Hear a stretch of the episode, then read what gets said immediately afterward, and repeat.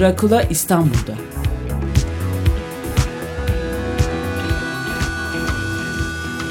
Edebiyat ve sinemada fantastik.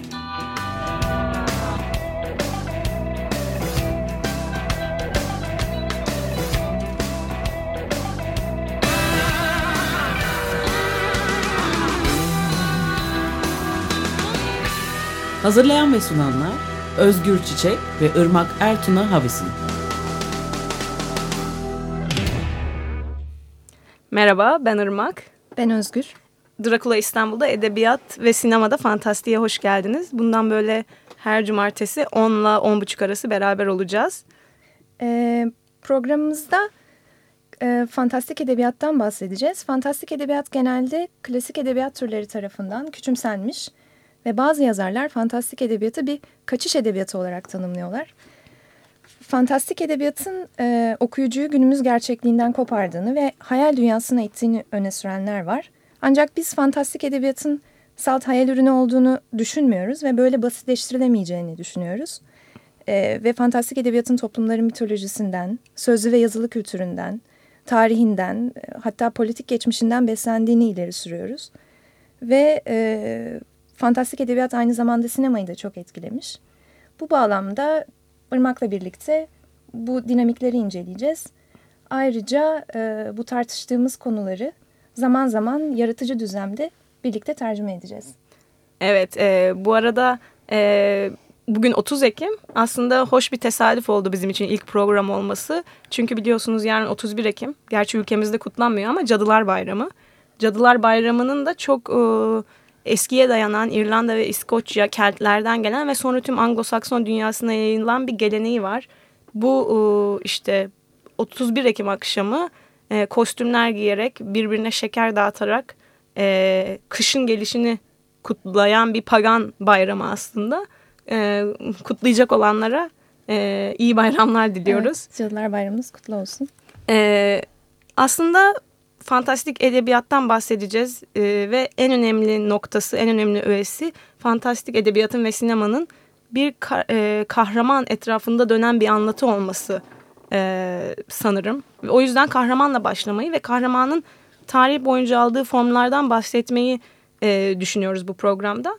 Ben ilk bir soruyla başlamak istiyorum. Neden e, toplumlar kahramanlık destanları yazmaya gerek duymuşlar acaba? E, bu soruya cevap vermek için e, aslında tek tanrılı dinlerden önceki zamanlara geri dönmek gerek. Özellikle pagan dinlere inanıldığı dönemlerde ölümden sonrası için bir bilinmezlik ve bir karamsarlık söz konusuydu. Aynı zamanda e, bahsettiğimiz kahramanlar bir şekilde tanrılara kendilerini ispatlayıp belki bir yarı tanrılık evresine geçmeye çalışıyorlardı. Ölümden sonra bir hayat olduğuna e, dair bir inanış olmadığı için e, bir ölümsüzlük arayışı ya da ölümsüz bir isim bırakmak, sözlü kültürün içinde yer almak ve böylece ölümsüz olmak gibi bir çaba vardı. E, e, hatta neredeyse bu çabayı gerçekleştirebilmek için barbar sayılabilecek erkek kahramanlardan bahsediyoruz ve bunun ilk örneklerine bakacak olursak sanırım Gılgamış'tan bahsetmemiz gerekiyor. Evet, tam da senin dediğin gibi Gılgamış zaten ölümlülükle yüzleşmenin ve ölümsüz ölümsüzlüğü kazanmakla ilgili bir destan ve e, biliyorsunuz Sümerlerden bize kalmış bir destan bu e, tabletleri bulunmuş ama tüm tabletleri e, hala bulunamamış olmasına rağmen destanın ana hatlarını biliyoruz. E, Gılgamış üçte ikisi tanrı, üçte biri insan bir e, kara, kral e, olarak başlıyor destanda fakat halkına zulmeden bir kral. Tanrılar da onu dengelemek üzere yabani bir insan yolluyorlar Enkidu adında. Sonunda Enkidu ve Gılgamış e, bir kavgaya tutuşuyorlar.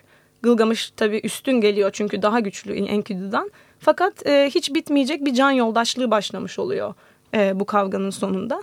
Ve ilk maceraları ormanın koruyucu ruhu Humbaba'ya karşı. Humbaba'yı öldürüyorlar ve Humbaba ölürken Enkidu'yu lanetliyor. E, tabii böyle bir böyle bir e, ruhu öldürerek Gılgamış ve Enkidu çok ün kazanıyorlar. Hatta ve hatta Tanrıça İştar'ın e, ilgisini çekiyor Gılgamış. Fakat Gılgamış Tanrıçayı reddedince bu sefer karşılarına cennetin boğasını e, salıyor e, Tanrıça. Enkidu ve Gılgamış bunu da başarıyla sonuçlandırıyor. Cennetin boğasını da öldürüyor. Fakat hem Humbaba hem cennetin boğasını öldürdükleri için tanrılar öç almak istiyor ve e, Enkidu'nun hayatını alıyorlar. İşte bu noktada Gılgamış kendi ölümlülüğüyle yüzleşiyor. E, arkadaşının ölümüne üzülmesinden de öte kendi öleceğinin farkına varıyor ve ölümsüzlük arayışına giriyor. E, dünyada ölümsüz olan iki insan Utnapiştim ve karısını bulmak üzere gidiyor ki Utnapiştim ve karısı e, büyük tanrıların yolladığı selden kurtulmuş ve e, buna karşılık ölümsüzlük kazanmış. E, tabi burada Nuh'un e, gemisi efsanesiyle de paraleller var. E, onları bulmaya çalışıyor ve Utnapiştim'le karısını buluyor. Fakat kendi dikkatsizlikleri yüzünden ölümsüzlük e, iksirini de işte ona telafi olarak verilen e, gençlik iksirini de kaybediyor. Ve e, şehrine buruk bir şekilde dönüyor Uruk'a. Fakat e, şöyle bir bakıyor şehre ve yarattığı şeyleri görüyor. E, inşa ettiği kenti görüyor ve belki bir nevi huzur buluyor ölümsüzlüğe ulaştığına dair. Böyle, ya böyle bir e, kahramanlık yolculuğu arketipi çizilmiş oluyor aslında Gılgamış'tan itibaren. Bu e, zaten daha konuşacağız bundan ama daha çok e, e, destanlarda da var değil mi bu aynı yolculuk? Evet, e, mesela İngiliz edebiyatının en eski örneklerinden biri olan Beowulf'ta da e, benzer temalardan bahsedebiliriz. Bu destanda da Herod Kralı Rotgar e, ve Rotgal'ın krallığı Grendel isimli bir canavarın tehdidi altında. Grendel belirli aralıklarla e, krallığa saldırıyor, Herod'a saldırıyor ve 30-40 kişiyi öldürüyor. Rotgar da bu e, canavarla kendi başına başa çıkamadığı için yeğeni Beowulf'tan yardım istiyor. Beowulf da çok güçlü bir karakter, çok güçlü e, ve yiğit bir karakter. Beowulf da bu çağrıyı alınca yanına 10-15 tane arkadaşını alıp Herod'a geliyor ve bu korkunç canavarı öldürmeye çalışacak. Beowulf'un bu korkunç canavarla yani Grendel'le ilk karşılaşmasında öyle müthiş bir performans sergiliyor ki Grendel'in kolunu koparıyor. Ee, ve onun bu kahramanlığı e, çok büyük zaferlerle kutlanıyor. Fakat sonrasında Grendel'in annesi oğlunun intikamını almak için geri dönüyor ve Beowulf'un adamlarından birini kaçırıyor ve onu öldürüyor. Bunun üzerine Beowulf da artık e, Grendel'in annesini öldürmek üzere bir yolculuğa çıkması gerekiyor. Ve Grendel'in annesi de denizlerin altında yaşayan korkunç vahşi bir kadın. Ve Beowulf'un öncelikle Grendel'in annesinin inine gitmesi yolculuğu da çok ayrıntılı olarak anlatılıyor destanda. Yerin 30 kat altına iniyor işte bu yolculukta yılanlarla korkunç canavarlarla yine savaşıyor ve sonunda e, Grendel'in annesinin inini buluyor.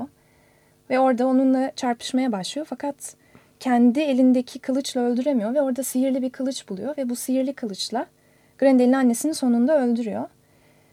Ve bu başarıdan sonra da Hrothgar krallığı Beowulf'a hediye ediyor. Yani bu bahsettiğimiz iki destanda da e, aslında yine bir ölümsüzlük arayışı e, ve bu ölümsüzlük ya da bu e, kahramanlık hikayeleriyle bir krallığa sahip olmak, bir yere sahip olmak gibi şeylerden bahsedebiliriz.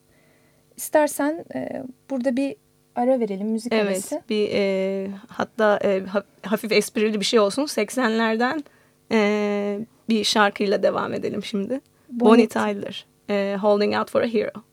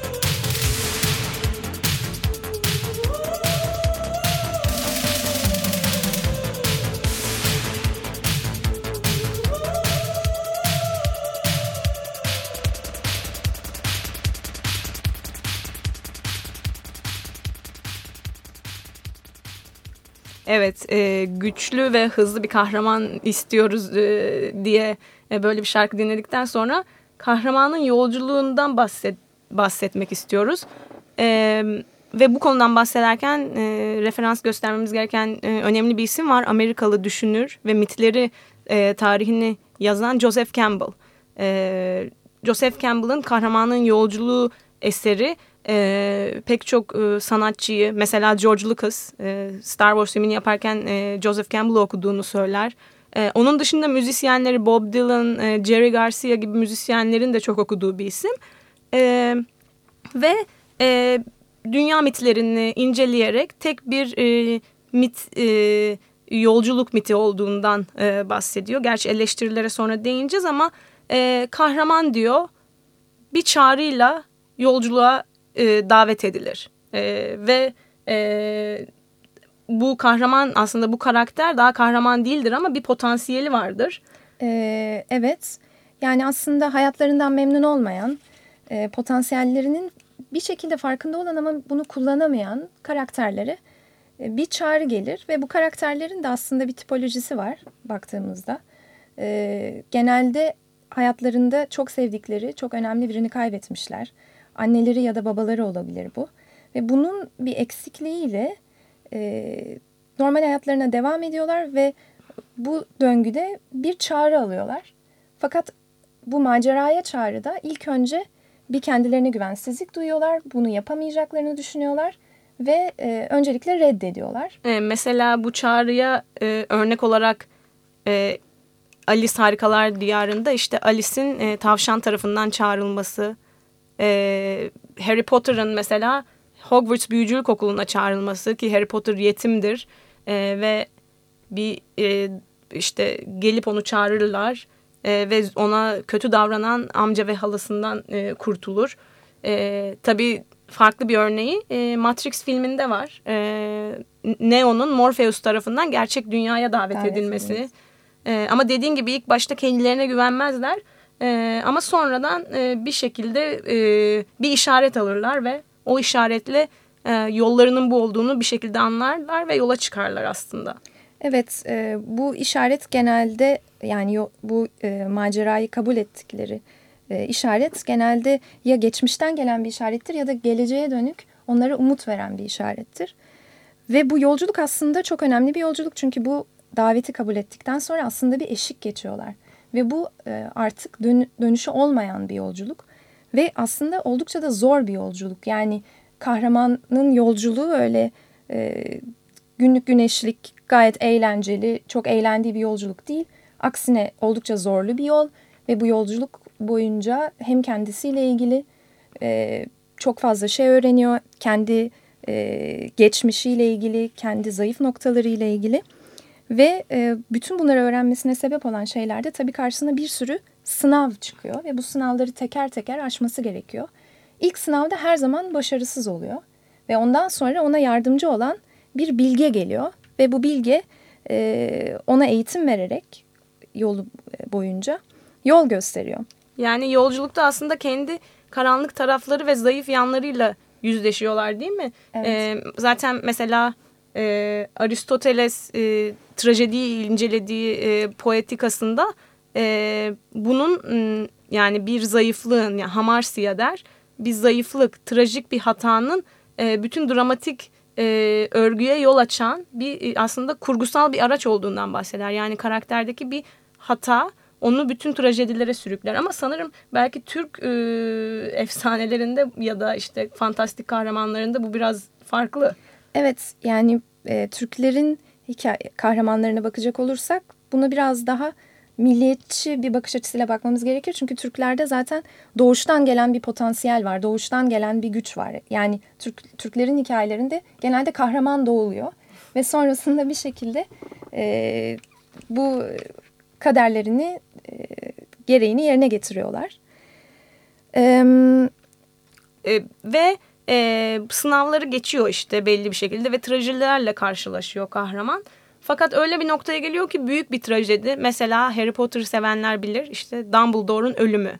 Yani mentorun ölümü de önemli bir şey. E, az tüm yük kendi omuzlarında artık kahramanın. Ve bu trajediyle e, ölüyor ve tekrardan diriliyor. Yani yeniden diriliş, e, hayata geri dönme ve artık bu noktada kaderini ve kahraman olması gerektiğini anlamış, bu yoldan dönüş olmadığını anlamış ve belli bir bilgelik kazanmış bir şekilde devam ediyor.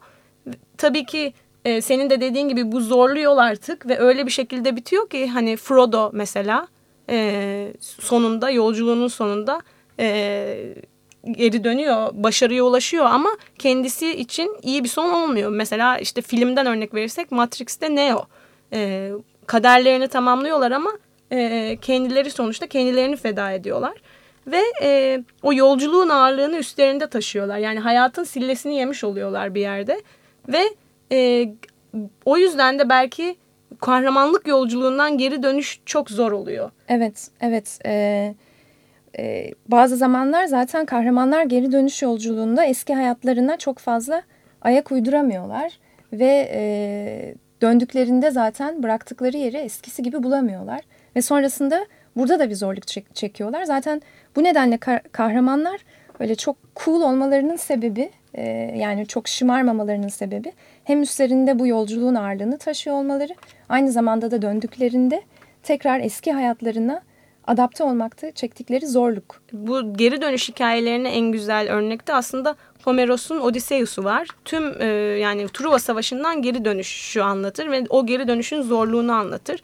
Ki bu gündelik hayat ve kahramanlık hayatı arasındaki e, çatışmanın en güzel yansıtıldığı yer süper kahramanlar ama ona daha sonra değineceğiz. Yani süper kahramanların dramatik örgüsü hep e, gündelik hayat ve kahramanlık e, şeylerinin çatışması ama ona sanırım e, şimdi girmeyelim.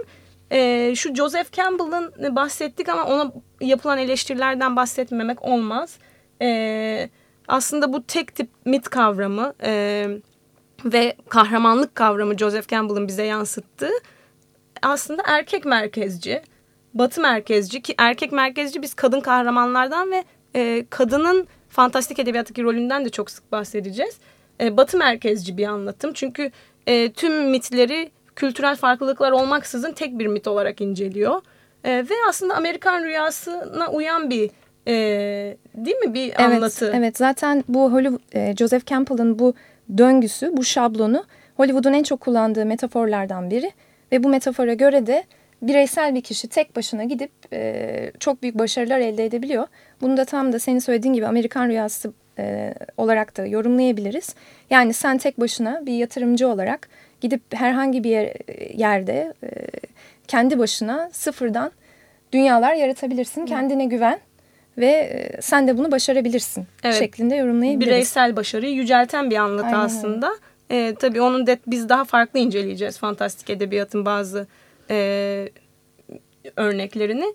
E, bu kadar çok e, işte fantastik kahramandan bahsetmişken e, en iyisi programımızda e, John Lennon'dan e, Working Class Hero gündelik hayatın kahramanlarıyla son verelim. Bu arada bizim e, programımızın drakulaistanbul'da.blogspot.com adresinden e, işte güncellemelere ulaşabilirsiniz ve yorumlarınızı, fikirlerinizi de duymak isteriz. O yüzden e, web sitemizi ziyaret ederseniz de çok seviniriz. E, yorumlarınızı bekliyoruz. Haftaya görüşmek üzere.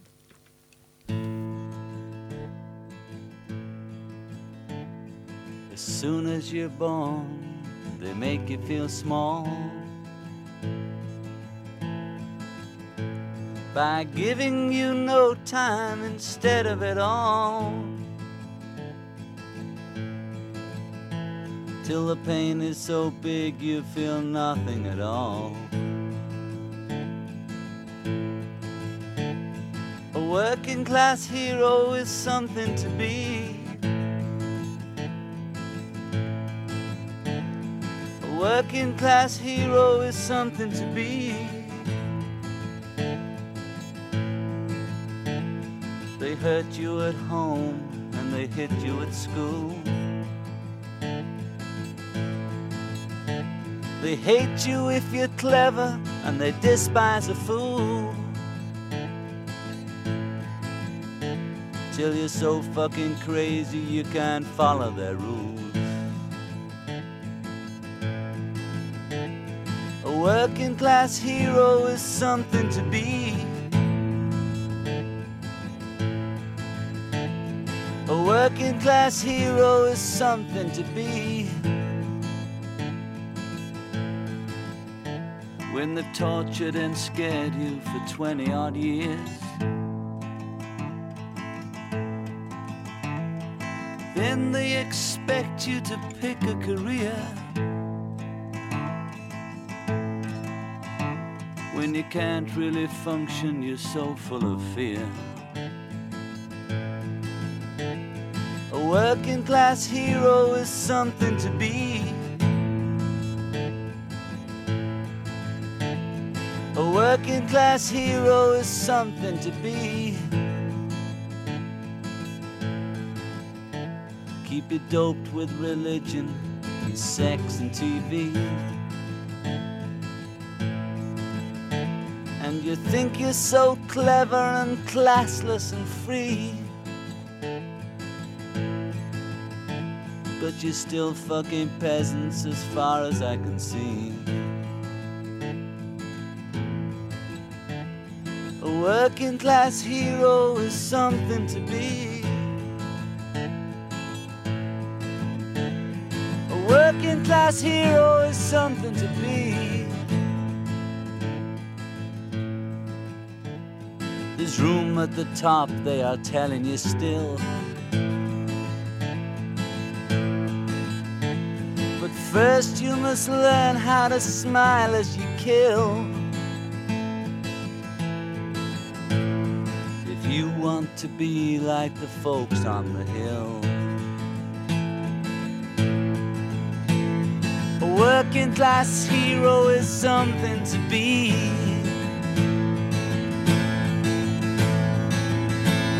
A working class hero is something to be. Want to be a hero, well, just follow me. If you want to be a hero, well, just follow me.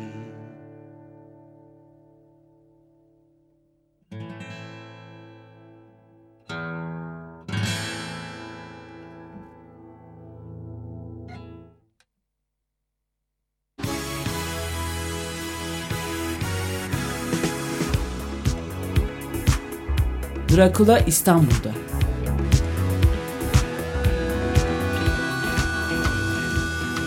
Edebiyat ve sinemada fantastik.